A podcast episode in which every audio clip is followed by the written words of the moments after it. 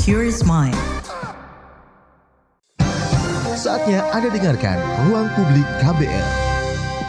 Selamat bergabung di Ruang Publik KBR yang dipersembahkan oleh Lam Horas Film. Tema kita pagi hari ini Invisible Hopes, menghapuskan kekerasan terhadap perempuan dan anak yang lahir dalam penjara. Ketika berbicara membela hak asasi manusia atau HAM, ini dapat dilakukan oleh semua orang ya, termasuk perempuan tanpa memandang latar belakang dan pekerjaannya. Mulai dari pekerjaan kemanusiaan, aktivis, advokat, pendamping korban, pekerja sosial, bahkan pekerja film atau filmmaker. Itulah yang dilakukan oleh Lam Horse Film melalui film Invisible Hopes yang memastikan HAM bagi perempuan dan anak-anak yang ada dalam penjara di Indonesia. Dengan semangat memperingati 16 HAKTP dan Hari Perempuan Pembela HAM, Lam Horas Film terus berjuang dalam melakukan impact campaign dan advokasi pemenuhan hak serta perlindungan perempuan hamil dan anak bawaan dalam penjara. Anak bawaan ini adalah anak-anak yang lahir dalam penjara maupun anak di luar penjara yang ikut ibunya ke penjara. Lebih luas lagi adalah perlindungan dan pemenuhan hak para perempuan yang berhadapan dengan hukum, memastikan mereka agar tidak menjadi korban kekerasan di balik jeruji penjara. Bagaimana proses produksi film ini terjadi dan apa sih tantangan utama yang dihadapi oleh tim produksi? Nah, kita akan perbincangkan lebih dalam terkait hal ini di ruang publik KBR Nah, senang sekali pagi hari ini Deborah sudah bersama-sama dengan Mbak Lamtiar Simorangkir selaku sutradara dan produser dari film Invisible Hope. Selamat datang dan apa kabarnya Mbak pagi hari ini? Uh, luar biasa. Luar biasa ya. Terima kasih sudah mengundang kita. Ya, terima kasih juga sudah hadir. Kami yang terima kasih loh, Mbak. Dan uh, berbicara tentang film Invisible Hopes ya. Mm-hmm. Selaku sutradara dan juga produser ini double ya pekerjaannya ya. Dan uh, apa sih sebenarnya yang mendasari dari pembuatan film Invisible Hopes ini? Dan kenapa fokusnya pada kekerasan terhadap perempuan dan anak-anak di penjara? Ya, jadi uh, pertama-tama saya mau ceritakan dulu ya, mungkin memperkenalkan kita siapa, Alam Horas Film itu siapa gitu ya. Jadi uh, kita punya komunitas film yang namanya Alam Horas Film ini.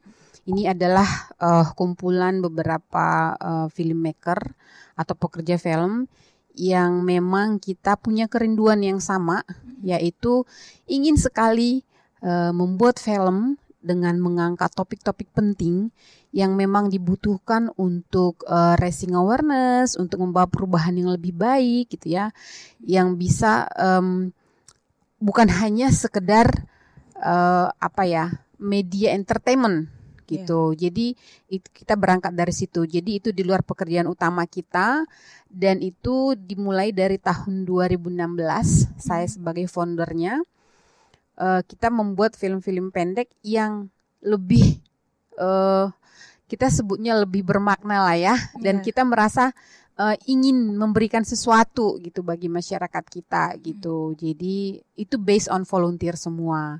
Nah, dan kita melihat bahwa yang paling urgent menurut kita adalah dari point of view kita ini untuk mengangkat isu-isu atau persoalan tentang perempuan dan anak. Hmm. Nah, itu awalnya. Lalu tahun 2017 itu saya mendapatkan informasi bahwa ternyata ada dan sangat banyak anak-anak yang lahir dan dibesarkan dalam penjara. Hmm. Nah, uh, saya sendiri dan teman-teman satu tim itu kita belum mengetahui sebelumnya bahwa ternyata ada anak-anak yang lahir dan dibesarkan dalam penjara. Saya nggak tahu Mbak Deborah sebelumnya sudah tahu belum bahwa ada anak-anak yang dilahirkan dan dibesarkan dalam penjara. Kebetulan saya punya kenalan dan dia uh, melahirkan di penjara. Jadi wow. saya tahu, tapi nggak tahu kalau sebanyak itu hmm. gitu. Tahun berapa itu? Itu sekitar beberapa tahun lalu ya, kayak 2016, hmm. 2017 ya. seperti itu. Nah, itu jadi uh, kami menemukan ketika bertanya di sekitar hmm. teman-teman kita, loh kok sama sekali nggak ada yang tahu gitu. Ya. Lalu kita riset menemukan memang ini sesuatu permasalahan yang perlu perhatian, hmm. namun tidak banyak orang tahu dan memberi perhatian seperti itu. Jadi Itulah awalnya akhirnya kita memutuskan mau bikin Invisible Hopes. Hanya dengan satu tujuan yang sangat sederhana namun ternyata menemukan sangat sulit melakukannya yaitu kita ingin ada perubahan yang lebih baik bagi uh, penanganan dan pemenuhan hak narapidana hamil terutama anak-anak yang harus lahir ataupun yang dibawa dari luar penjara itu kita iya. sebut anak bawaan. anak bawaan. Jadi pemenuhan hak mereka, perlindungan mereka uh, melalui film ini. Itu sebetulnya sesederhana itu. Kita ingin ada uh, perbaikan lah buat kondisi mereka. Mm-hmm. Karena kita menemukan ternyata ini permasalahan besar yang uh, terabaikan iya. dan ini menyangkut anak yang adalah masa depan bangsa. Jadi itu awalnya kenapa kita merasa ini sangat penting hmm. untuk dilakukan, untuk dibuat, menginformasikan kepada masyarakat umum dan mengingatkan negara. Itu lebih penting lagi mengingatkan negara dan masyarakat dan para komisi HAM tentunya bahwa ini ada persoalan yang terabaikan yang harus diperhatikan bersama. Iya betul. Apalagi negara kita juga ingin menuju ke generasi Indonesia yes. emas ya. Ya. Di... Dan nanti anak-anak ini barangkali yang akan menjadi ya. uh, sudah uh, pemimpin atau calon pemimpin pada saat hmm. itu. Betul betul. Ya kita berharap sih walaupun anak-anak ini tumbuh dan besar di penjara ya bersama orang tuanya tapi mereka tetap punya impian juga ya untuk masa ya, depan mereka dan ya. yang pasti mereka punya hak asasi manusia Betul. mereka punya hak yang harus dipenuhi hmm. dan tidak boleh dibedakan dengan anak-anak yang ada di luar penjara kan gitu ya. karena hak asasi manusia itu tidak peduli kita di mana gitu termasuk buat perempuan karena banyak sekali pengertian yang salah ketika orang masuk penjara hak asasinya hilang tidak hak asasi manusia itu tak melekat di dia gitu di mana pun dia berada dia harus tetap dilindungi hmm. ada hak-hak yang harus terpenuhi uh, termasuk melindungi dari kekerasan hmm. baik kalau misalnya ini kan langsung sebagai sutradara dan produser dari film Invisible Hops nih Mbak Tiar melihatnya seperti apa sih kondisi dari ibu dan anak ketika di penjara tersebut Ya, uh, temuan kita melalui Invisible Hops itu sangat uh, apa ya e, mencengangkan bagi kita gitu dan sesuatu yang memang karena itu baru pertama kami e, terutama saya sendiri hmm. baru pertama itu secara lebih dekat melihat kondisi penjara gitu ya ketika mengetahui ada anak lahir ataupun dibawa ke dalam penjara aja kita udah kaget gitu yeah. apalagi setelah melihat nah kondisi ini kan di mana mereka itu anak-anak ini di uh, hidup dalam penjara dalam sel yang sama dengan narapidana dan diperlakukan seperti narapidana tentunya. Kenapa? Karena mereka harus ikut dalam sel, dikunci gitu ya, hilang kebebasannya, kemudian um, kehidupan sosial penjara itu kan itu orang dewasa dalam penjara yang memang tidak baik untuk tumbuh kembang anak. Kemudian kami juga menemukan banyak sekali temuan-temuan yang mengagetkan dan cukup uh, bikin hati apalah ya um, apa sih biasanya kalau broke my heart gitu bikin kita gitu uh, uh, ya. bikin kita sedih gitu ya hmm. bahwa misalnya di penjara itu kan kondisinya tidak layak untuk ditinggalin hmm. untuk menjadi tempat tinggal gitu apalagi buat anak dan ibu hamil ya. dengan kondisi berdesak-desakan gitu ya hmm. uh, kurang bersih kemudian um, makanan yang kurang bergizi, apalagi buat ibu hamil, tidak ada anggaran buat anak, buat makan, kesehatan itu nggak ada gitu. Itu itu sangat kaget gitu ya. Uh, kok negara menahan perempuan hamil tapi kok nggak memikirkan gitu loh untuk anaknya untuk juga ya? anaknya bagaimana hmm. gitu hamil pun harus dipikirkan karena hmm. jangankan di uh, luar jangankan dalam penjara luar penjara aja kan hamil susah yeah. gitu ya harus perlu pemeriksaan rutin gitu-gitu ya sementara fasilitas kesehatan dalam penjara itu sangat terbatas nah inilah yang kita melihat oh ini benar-benar kita semakin menemukan ini masalah besar mm -hmm. gitu apalagi ini menyangkut anak gitu yeah. ini anak masa depan bangsa loh gitu. anak Dan, juga harus diperhatikan hak-haknya ya ya ini ini anak anak kan apalagi anak ini masa depan bangsa yang dia tidak minta dilahirkan Baik. apalagi dilahirkan dalam penjara mm-hmm. gitu. Baik, uh, Mbak Tiar sebelum kita lanjut ini ada pendengar kita, salah satu penelpon yang sudah terhubung ada Pak Edi di Pariaman. Selamat pagi Pak Edi. Selamat pagi. Iya, silakan Pak Edi untuk pertanyaannya atau Nah komentar. ini per- nah ini pertanyaan saya tentang anak lahir di penjara kan gitu aku. Iya. Nah, anak lahir di penjara itu karena oh perlakuan dari penjaga apakah sesama para napi gitu? Apakah penjara wanita dengan penjara pria apakah satu gitu? Apakah berdekatan? Apakah dia tuh bisa oh mengunjung kunjungi gitu? Oke. Ah, yang yang kedua, apakah dia itu lahir di apakah dia sebelum penjara, apakah dia sudah hamil? Nah, gitu, Bu. Nah, apa tindak lanjutnya supaya oh tidak terjadi anak lahir di penjara? Oke. Baik. Ya, itu dulu, Bu. Terima kasih. Iya, terima Selamat kasih. Pak Edi. Kami sudah menerima pertanyaannya. Jadi ini Pak Edi bertanya apakah penjara wanita dan pria ini digabung dan apakah ketika seorang wanita ini masuk penjara dia sebelumnya tidak hamil lalu kemudian hamil di penjara atau bagaimana terus tindakannya ketika mereka melahirkan di penjara? Ya, eh, terima kasih Pak Edi di Pariaman. Ya, jadi para ibu hamil ini mayoritas ditangkap sudah hamil. Lalu kemudian ada juga yang ditangkap punya bayi dan bayinya tidak ada yang merawat di luar penjara sehingga harus dibawa ke dalam. Nah, undang-undang kita eh, saat ini memberikan kesempatan anak boleh dibawa ke dalam penjara atau setelah lahir dalam penjara boleh tinggal di sana selama tiga tahun. Setelah tiga tahun mereka harus meninggalkan penjara, baik ibunya bebas ataupun nggak belum bebas gitu. Nah, eh, dari awal riset Hmm. kami juga mengira bahwa oh semua ini ditangkap hamil. Pemikiran kita. Ternyata sepanjang riset ini sangat mengejutkan buat kita dan em, ini perlu penelitian lebih lanjut ya. Tapi ada beberapa ibu yang memang eh, mengaku ke kita itu ternyata hamil di dalam. Nah, tapi saya perlu hati-hati ya menyampaikan ini bahwa yang kami temukan pertama-tama tidak ada yang hamil dengan petugas. Iya. Nah, ternyata ibu-ibu ini karena butuh biaya hidup di dalam gitu ya butuh biaya hidup. Kan mahal ya mbak. Apa-apa di, di penjara itu harus beli ya.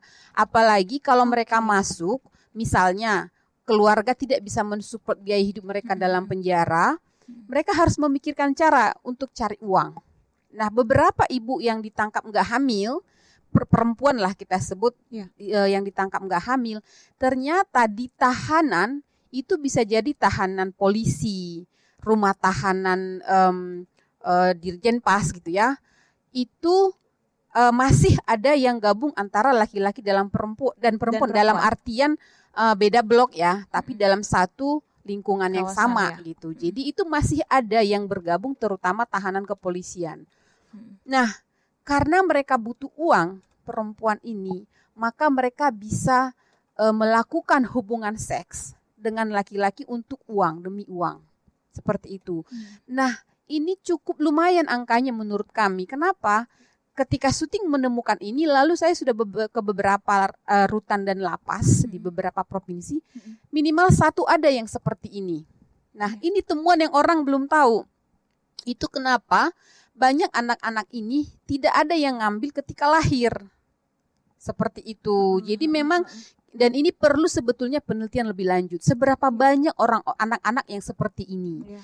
Dan ini kelak akan bermasalah ketika mereka akan meninggalkan penjara, nggak ada yang mau ngambil. Iya, nggak ada yang Gitu. ngaku nih anaknya siapa gitu kecuali sama si ibunya ya. Iya, jadi itulah kenapa juga banyak mereka tadi selain yang saya sebutkan sebelumnya bahwa eh, apa namanya em, selain eh, tadi mereka apa namanya di eh, hamil Hamilnya ditangkap memang dan memang di ditangkap. dalam ada yang hamil. Iya. Lalu tadi pertanyaan Pak Edi adalah tindakan preventif apa Mm-mm. yang bisa dilakukan supaya jangan sampai perempuan masuk ke Hamil dalam penjara. dalam sel. Nah, eh, kita harus lihat akar permasalahannya. Pertama, ibu-ibu ini, para perempuan hamil ini datang dari ekonomi menengah ke bawah, di mana mayoritas em, kasusnya narkoba, Iya. make dan jual. Kenapa jual? Akhirnya kan karena nggak punya uang, karena buat make jual. Kadang malah kita menemukan dia menjual hanya lebih dapat 50 ribu buat makan anaknya. Yang kedua, mereka datang dari pendidikan menengah ke bawah, mayoritas, gak semua tentunya. Nah, berarti tindakan preventif yang paling penting kita uh, lakukan adalah edukasi dulu. Edukasi para perempuan, bahkan laki-laki juga gitu ya, karena mayoritas kasus di Indonesia itu narkoba. Bagaimana bahaya narkoba? Kemudian yang paling penting adalah sesuai dengan tema kita adalah uh, tentang perempuan gitu ya. Bagaimana kita memberdayakan perempuan? Iya kan? Dari segi ekonomi paling utama, dia harus memberdayakan dirinya. Baik. Bagaimana dia bisa uh, punya kekuatan ekonomi, punya kekuatan pendidikan sehingga dia tahu mana yang salah, mana yang benar dan bisa mencukupkan dirinya dan anak-anaknya tidak bergantung kepada orang lain. Baik, Mbak Tiar, sebelum kita lanjut, ingin sekali ya kita mendengar penjelasan lebih panjang lagi dari Mbak Tiar, tapi kita harus jeda terlebih dahulu, kami akan kembali. Masih Anda dengarkan Ruang Publik KBR. Commercial break. Commercial break. Lu nyari apa sih? Sibuk amat dari tadi. Duit gue nih hilang, padahal udah dimasukin dompet. Ada tuyul kali ya? Hus, jangan asal lo ya. Eh, bukannya tadi lo jajan kopi, ikut PO seblak, sama nitip gorengan ya? Hah? Masa? Kok bisa nggak sadar ya? Bocor alus tuh, lo kudu disiplin keuangan makanya. Dengerin deh Uang Bicara, podcast dari KBR Pram yang ngebahas soal ekonomi dan literasi keuangan. Cocok banget buat anak muda kayak kita. Nah, sama nih kayak dengan self reward. Oke. Lo dengerin di mana? Di kbrprime.id. Oke deh, gue dengerin. Tapi jajan kopi sore ini gue pinjem lo dulu ya. Astaga. Uang Bicara, menavigasi kamu supaya tetap cuan dari KBR Prime. Saudara pemerintah menyerahkan Tolong, tolong. Oh, sang pencipta nun jauh di sana. Aku sudah tak sanggup. Sepertinya ajalku sudah dekat. Oh, Isabella kekasihku. Maaf, Kakanda melanggar janji. Kakanda tidak bisa mempersuntingmu. Wahai anak muda, nun jauh di sana. Bertahanlah. Kami, kesatria Homo sapiens, datang menyelamatkanmu. Oh, sang pencipta.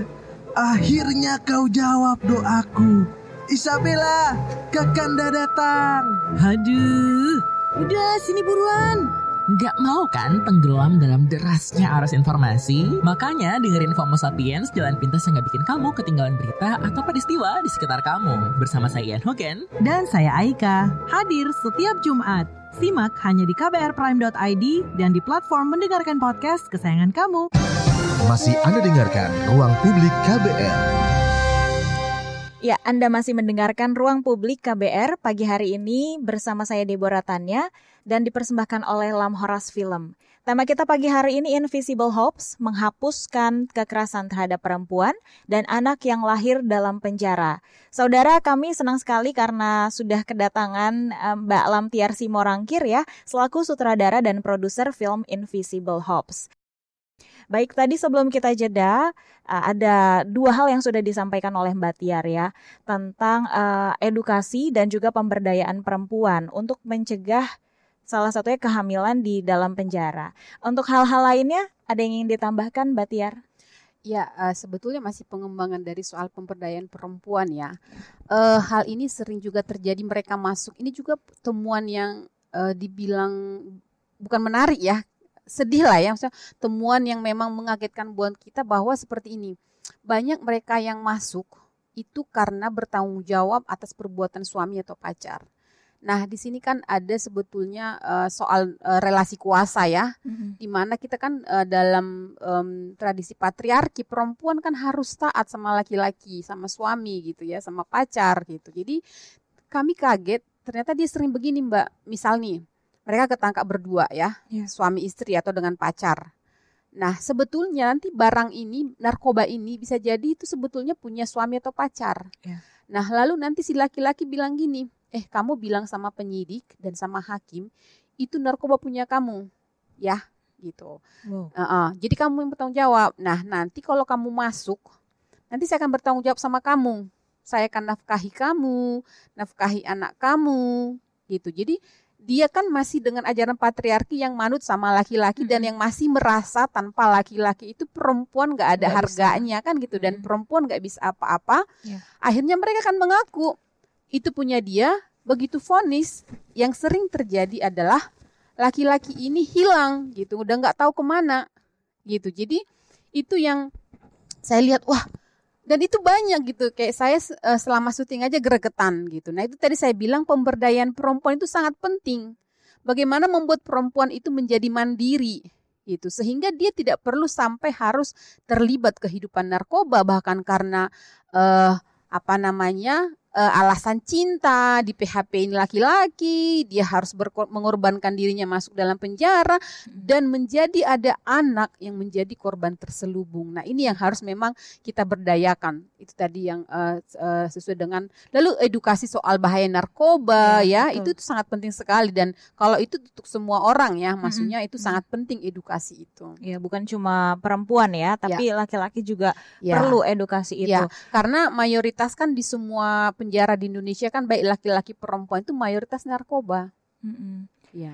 Kalau Mbak Tiar sendiri dan tim yang membuat film Invisible Hops ini melakukan syutingnya di penjara mana? Ya. kita Pertama riset itu kami di penjara di lapas uh, perempuan uh, Semarang. Hmm. Kemudian syuting di empat penjara, rutan dan lapas uh, Jakarta, kemudian rutan dan lapas uh, Bandung. Tapi okay. saya sudah ke beberapa penjara di Indonesia uh, mengunjungi mereka dan mengantarkan donasi. Jadi kita berusaha ngebantu mereka mengantarkan donasi hmm. seperti itu. Karena tadi kan saya sampaikan kebutuhannya belum disediakan negara. Yeah. Jadi kita berusaha mendorong juga melalui Invisible Hopes, teman-teman, pendengar juga nanti kalau ada yang mau pergi ke lapas atau rutan terdekat, silahkan. Kalau ada di sana perempuan hamil dan anak-anak, mereka sangat butuh bantuan, boleh pergi ke sana mengantarkan donasi donasinya ini berarti Mbak Tiar dan teman-teman uh, mengumpulkannya dari ya. gimana caranya tuh? Uh, sebetulnya awalnya itu kita masih lebih mengandalkan circle kita aja ya. Ya hmm. kalau lagi ada kita antar atau uh, teman-teman yang sudah kenal atau pas lagi roadshow nobar hmm. kita sampaikan uh, kalau mau memberikan donasi bisa langsung atau lewat kita boleh gitu. Hmm. Jadi itu kita berikan dalam bentuk kebutuhan. Ya. Susu, popok, uh, makanan bayi, susu ibu hamil, uh, pakaian. Nah, ini yang uh, sering kita sampaikan ke mereka, kita kita berikan. Apalagi kalau untuk perempuan ini kan istilahnya lebih banyak ya perintilan-perintilannya ya, ya, kebutuhan sehari-harinya ya. Iya, apalagi ibu hamil toh. Betul. Karena itu sangat penting gitu. Hmm. Uh, apa namanya? Uh, itu memang sangat penting apalagi di dalam itu kan terbatas nggak kayak kita di luar punya uang bisa beli kan nggak di sana. Mereka juga bisa beli tapi mahal. Kan itu persoalannya apa-apa yeah. di dalam sangat mahal. Popok aja misal di luar kita beli misal 50 ribu yeah. gitu ya. Di beberapa tempat kami di lapas menemukan bahkan itu bisa sampai 120 ribu gitu. Jadi waduh gitu ya Nah itu yang memang udah di dalam mereka hidupnya susah, pekerjaan juga nggak sebebas Betul. kalau mereka di luar, harga-harganya juga mahal ini. Iya. Berarti kalau misalnya dibayangkan ini begitu sulit ya, begitu sulit kehidupan uh, perempuan dalam penjara, apalagi mereka seorang ibu ya mempunyai anak. Dan uh, kalau misalnya kita balik lagi ke film Invisible Hops ini, Mbak Tiar selaku sutradara dan produser ini apa sih yang mendorong keputusan untuk melibatkan tim produksinya terdiri dari uh, teman-teman perempuan kah atau ada laki-lakinya juga di dalam bisa diceritakan mbak? Iya, jadi uh, sebetulnya kalau komunitas kita itu ada laki-laki dan perempuan hmm. gitu, tapi memang karena foundernya perempuan saya, saya memang selalu berusaha melibatkan uh, sebisa mungkin lebih banyak perempuan. Hmm. Kenapa? Karena kesempatan bagi filmmaker perempuan masih terbatas gitu. Jadi samalah dengan uh, apa pekerjaan-pekerjaan lain ya, hmm. masih kebanyakan itu uh, untuk laki-laki gitu. Nah, kemudian ketika bikin Invisible Hope juga memang harus diharuskan yang boleh masuk itu perempuan karena ini lapas perempuan. Oke. Okay. Ah, jadi selama produksi proses produksi berbulan-bulan itu kita hanya boleh perempuan. Hmm. Nah, jadi semuanya perempuan. Nah, tapi pada saat post production baru kita libatkan beberapa teman kayak editor gitu-gitu ada yang laki-laki. Tapi semua tim produksi itu semua perempuan dan memang uh, sebetulnya meskipun uh, tadinya boleh seandainya pun diperbolehkan laki-laki saya akan lebih memilih membawa perempuan karena pendekatannya kan berbeda. Iya, akan gitu. lebih nyaman ketika uh, Betul. perempuan dengan iya. perempuan ya. Betul dan memang juga um, di Invisible Ops ini kan sebetulnya kita spiritnya itu kan pengen sebetulnya dari perempuan untuk perempuan kan gitu. Jadi uh, yuklah kita perempuan bisa loh gitu. Iya. Bukan hanya laki-laki dan kalau laki-laki maaf nggak semua ya perspektifnya belum tentu benar hmm. tentang uh, hak perempuan kan gitu. Jadi memang itu yang tadi saya sampaikan di awal, dalam Horas film ini memang lebih concern di isu-isu atau permasalahan perempuan dan anak. Dan kita berharap sih kalau saya sendiri sebagai founder gitu ya, berharap yang melibatkan sebanyak mungkin laki-laki, bukan ya. mau meminggir eh laki-laki perempuan, perempuan, bukan mau meminggirkan laki-laki ya, tapi memang ya kenyataannya masih lebih mudah buat mereka untuk mendapatkan pekerjaan dibandingkan perempuan gitu. Iya, berbicara tentang uh, stereotip ya kalau misalnya ya. perempuan tuh nggak bisa apa-apa banyak ya yang masih berpikir ya, seperti itu betul. padahal udah emansipasi nih sejak ya, lama ya untuk betul. perempuan bisa melakukan hal yang memang laki-laki juga bisa ya. lakukan dan uh, apa namanya kualitas film yang kita buat kan uh, bukan berarti kalau laki-laki lebih bagus gitu hasilnya. Betul. Gitu. Buktinya kita tim produk semua perempuan.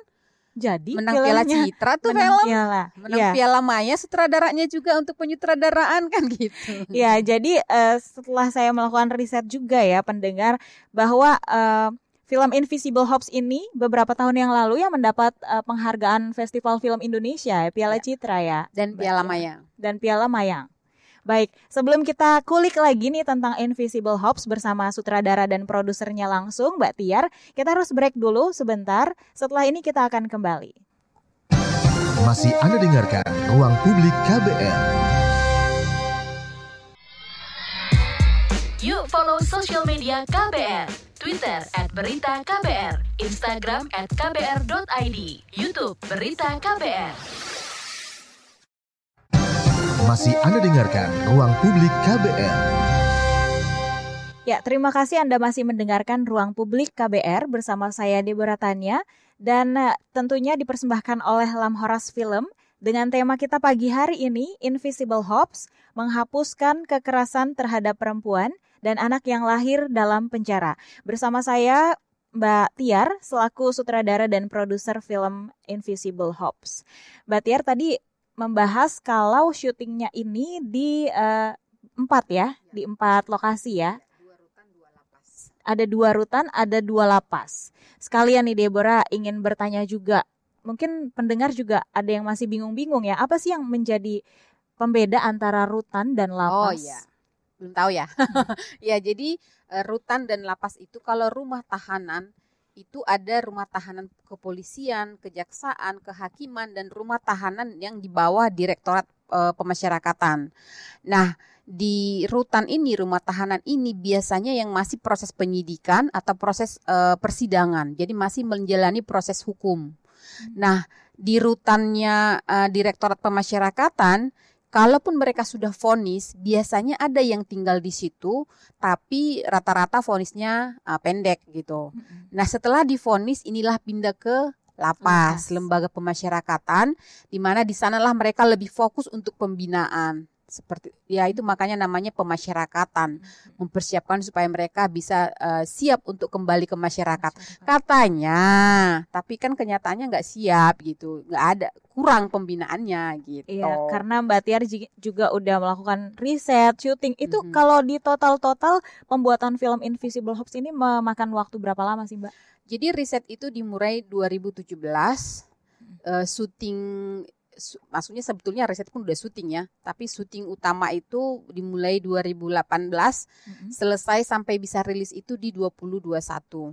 Lalu dari 2021 kita lanjut terus dengan Impact Campaign. Impact Campaign itulah tadi yang bagaimana kita uh, menginformasikan ke sebanyak mungkin orang, baik negara, komisi HAM, masyarakat, bahwa ini ada sebuah persoalan dan semua orang harus turut ambil bagian mencari solusi yang lebih baik.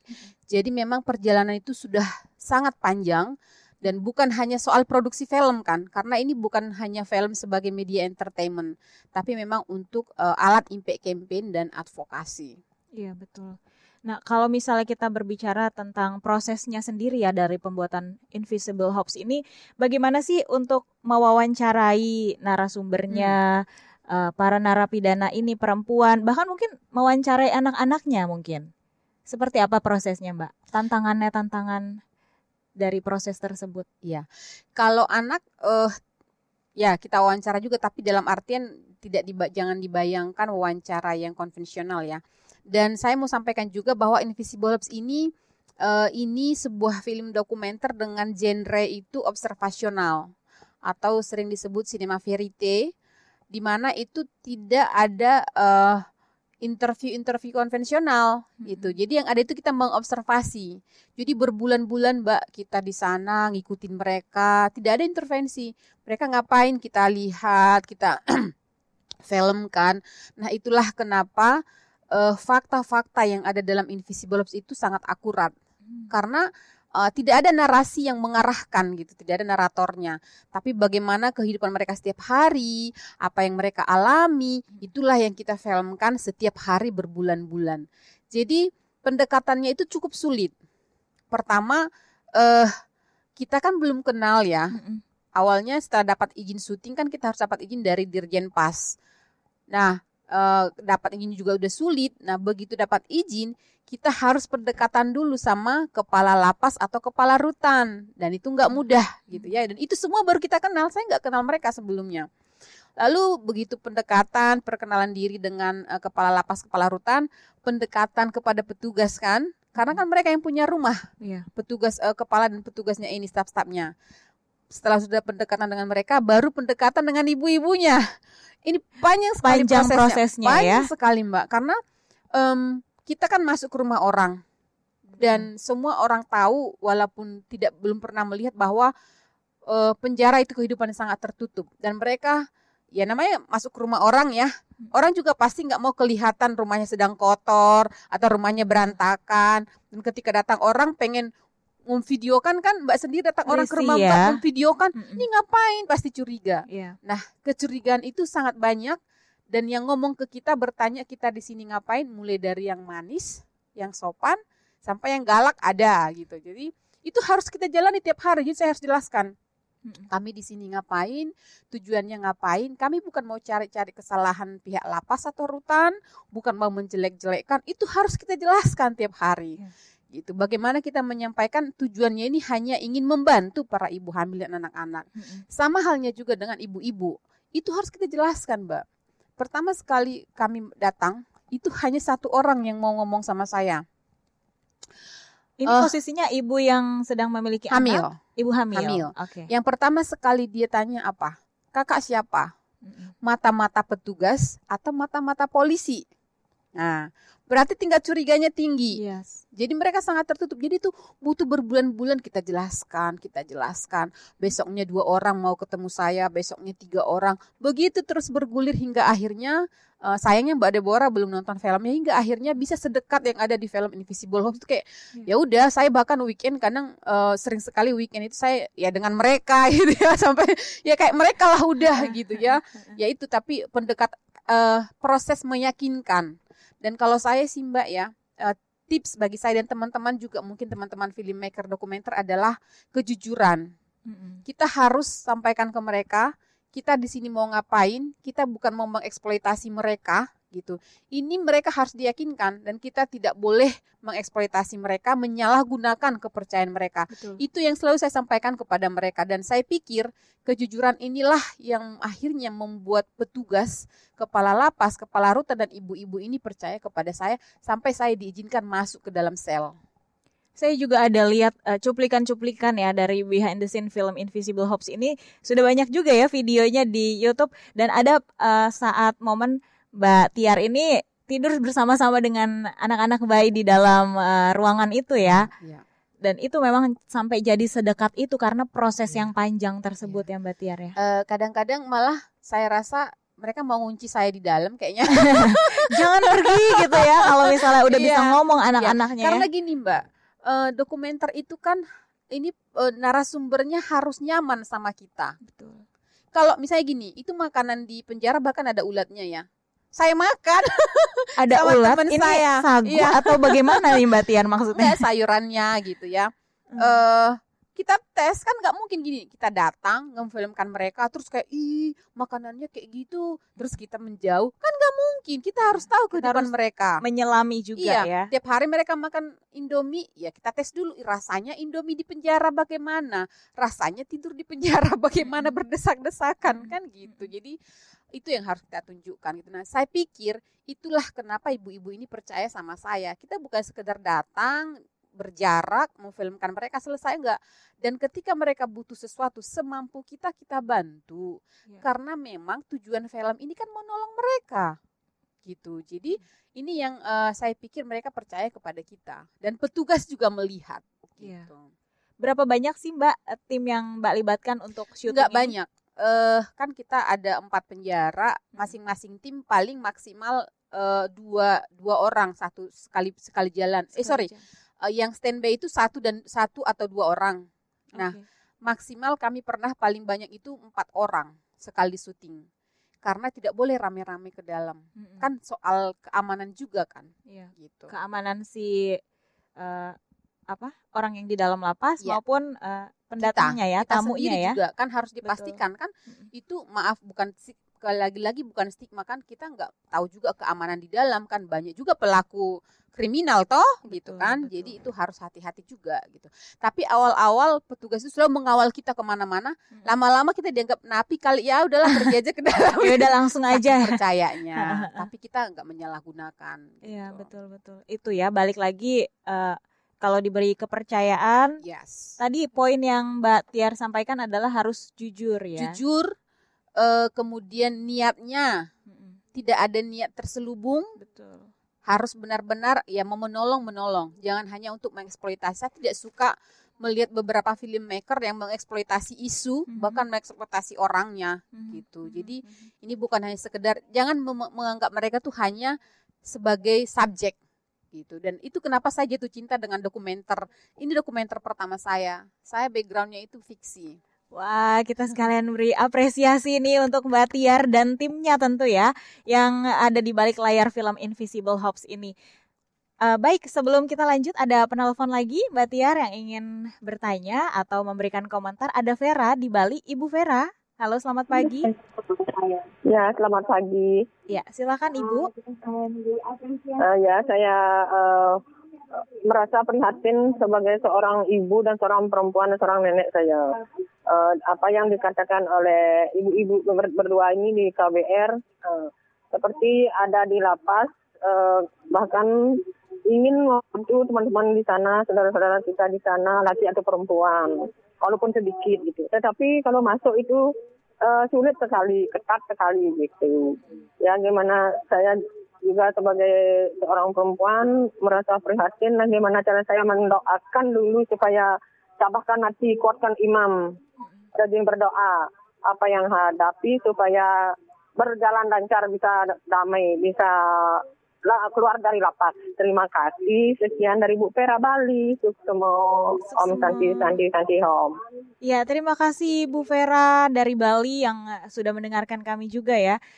Ya, memang eh, ini bukan cuma perasaan Ibu Vera saja bahwa hatinya sangat prihatin. Tentu kita semua yang mendengarkan merasakan hal yang sama ya, Mbak.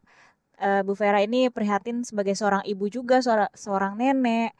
eh, memprihatinkan keadaan saudara-saudara kita khususnya karena ini kita membahas tentang perempuan khususnya mereka yang eh, berjenis kelamin perempuan. Terima kasih Ibu Vera dan eh, Ya boleh saya eh, seri- sedikit beri komentar Bu silakan. Vera ya. Eh, terima kasih Bu Vera atas em, empatinya, simpatinya gitu ya, tergerak hati eh, ingin membantu. Ya betul memang salah satu kesulitan ketika kita ingin membantu itu sulit masuk ke dalam. Ya namanya juga kita masuk ke rumah orang ya. Tapi eh ketika kita masuk ke rumah orang kalau kita dengan baik-baik, dengan niat baik, dengan sopan saya pikir pasti bisa.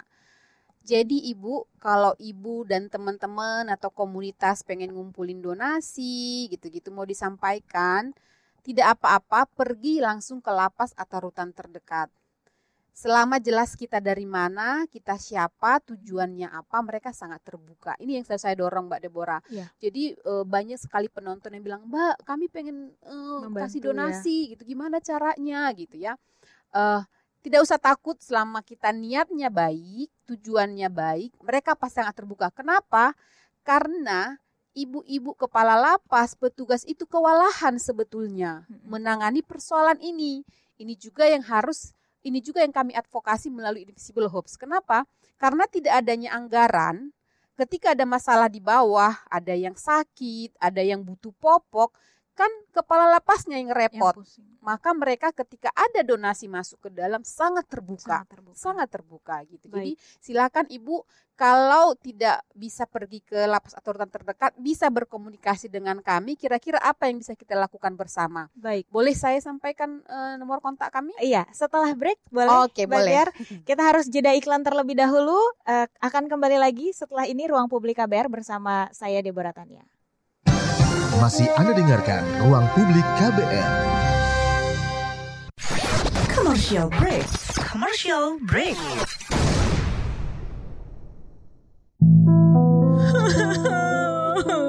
lah, ini anak kenapa? Gue diputusin Rehan. Aduh, yang sabar ya, Di.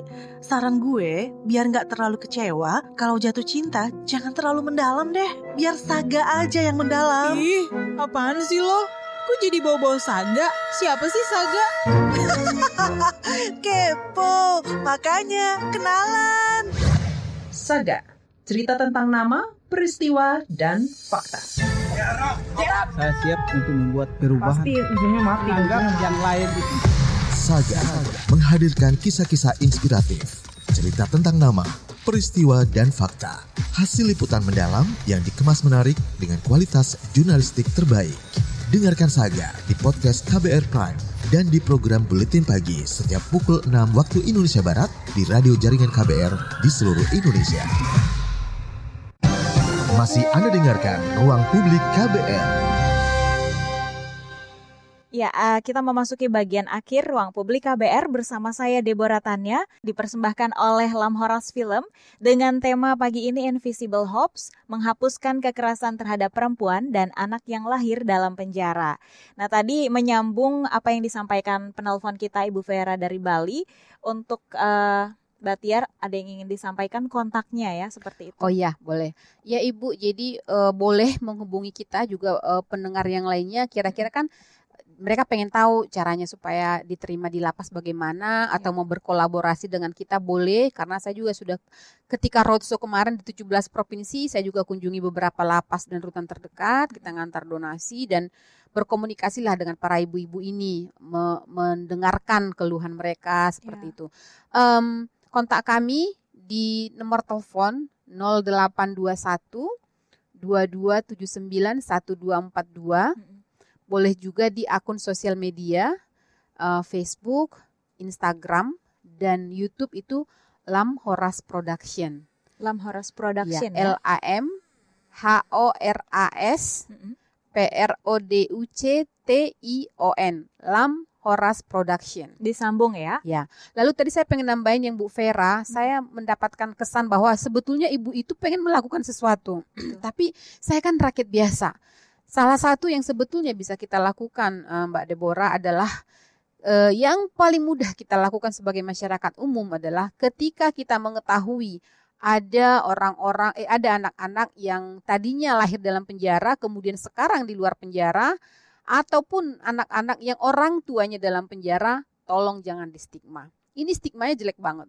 Jelek iya. sekali dan anak-anak ini banyak Mbak sampai mereka harus menyembunyikan kan uh, bahwa ibunya sedang dalam penjara atau bapaknya dalam penjara, tolong jangan di stigma. Itu hal paling kecil yang bisa kita lakukan. Hal yang kedua adalah tentu tindakan preventif ya. ya. bahwa kita edukasi anak-anak kita tentang kehidupan narkoba, memberdayakan anak perempuan kita gitu ya, mengedukasi mereka sehingga mereka menghargai dirinya gitu ya. Mereka bisa berdiri di atas kaki sendiri. Ini yang bisa kita lakukan sebagai tindakan preventif seperti itu. Iya, benar sekali. Nah, menyambung uh, tadi ya, di pembukaan kita membahas tentang Hari Anti Kekerasan Terhadap ya. Perempuan ya yang berlangsung dari 25 November sampai di 10 Desember mendatang. Kalau dari uh, Mbak Tiar dan tim apa nih yang ingin di Ya, jadi uh, kita ingin mengambil momen ini kembali mengingatkan negara.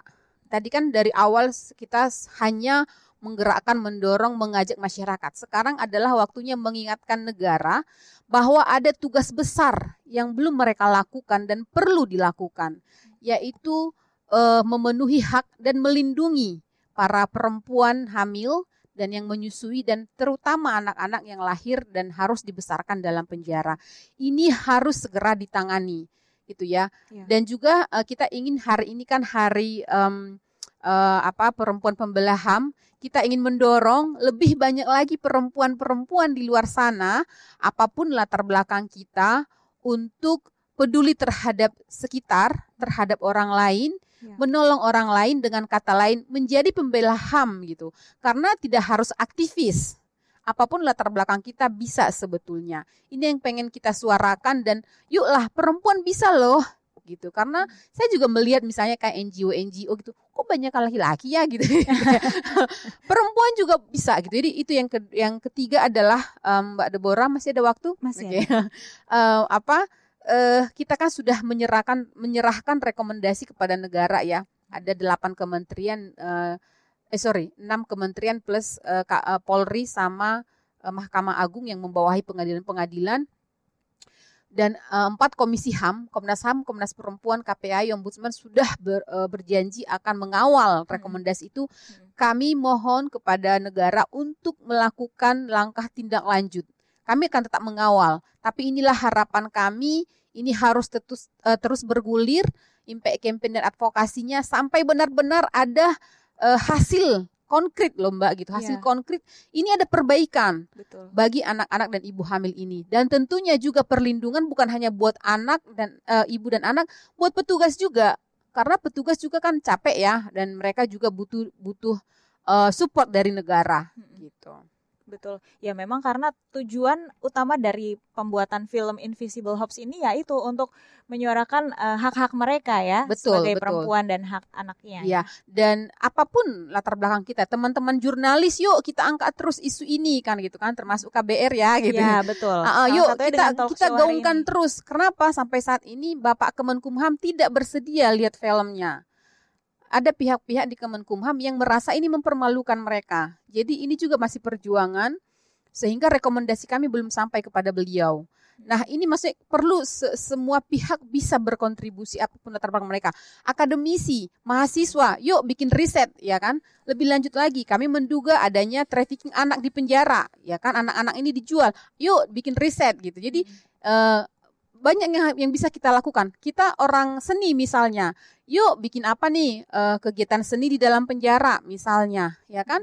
Kita punya um, apa namanya uh, uh, apa namanya ya?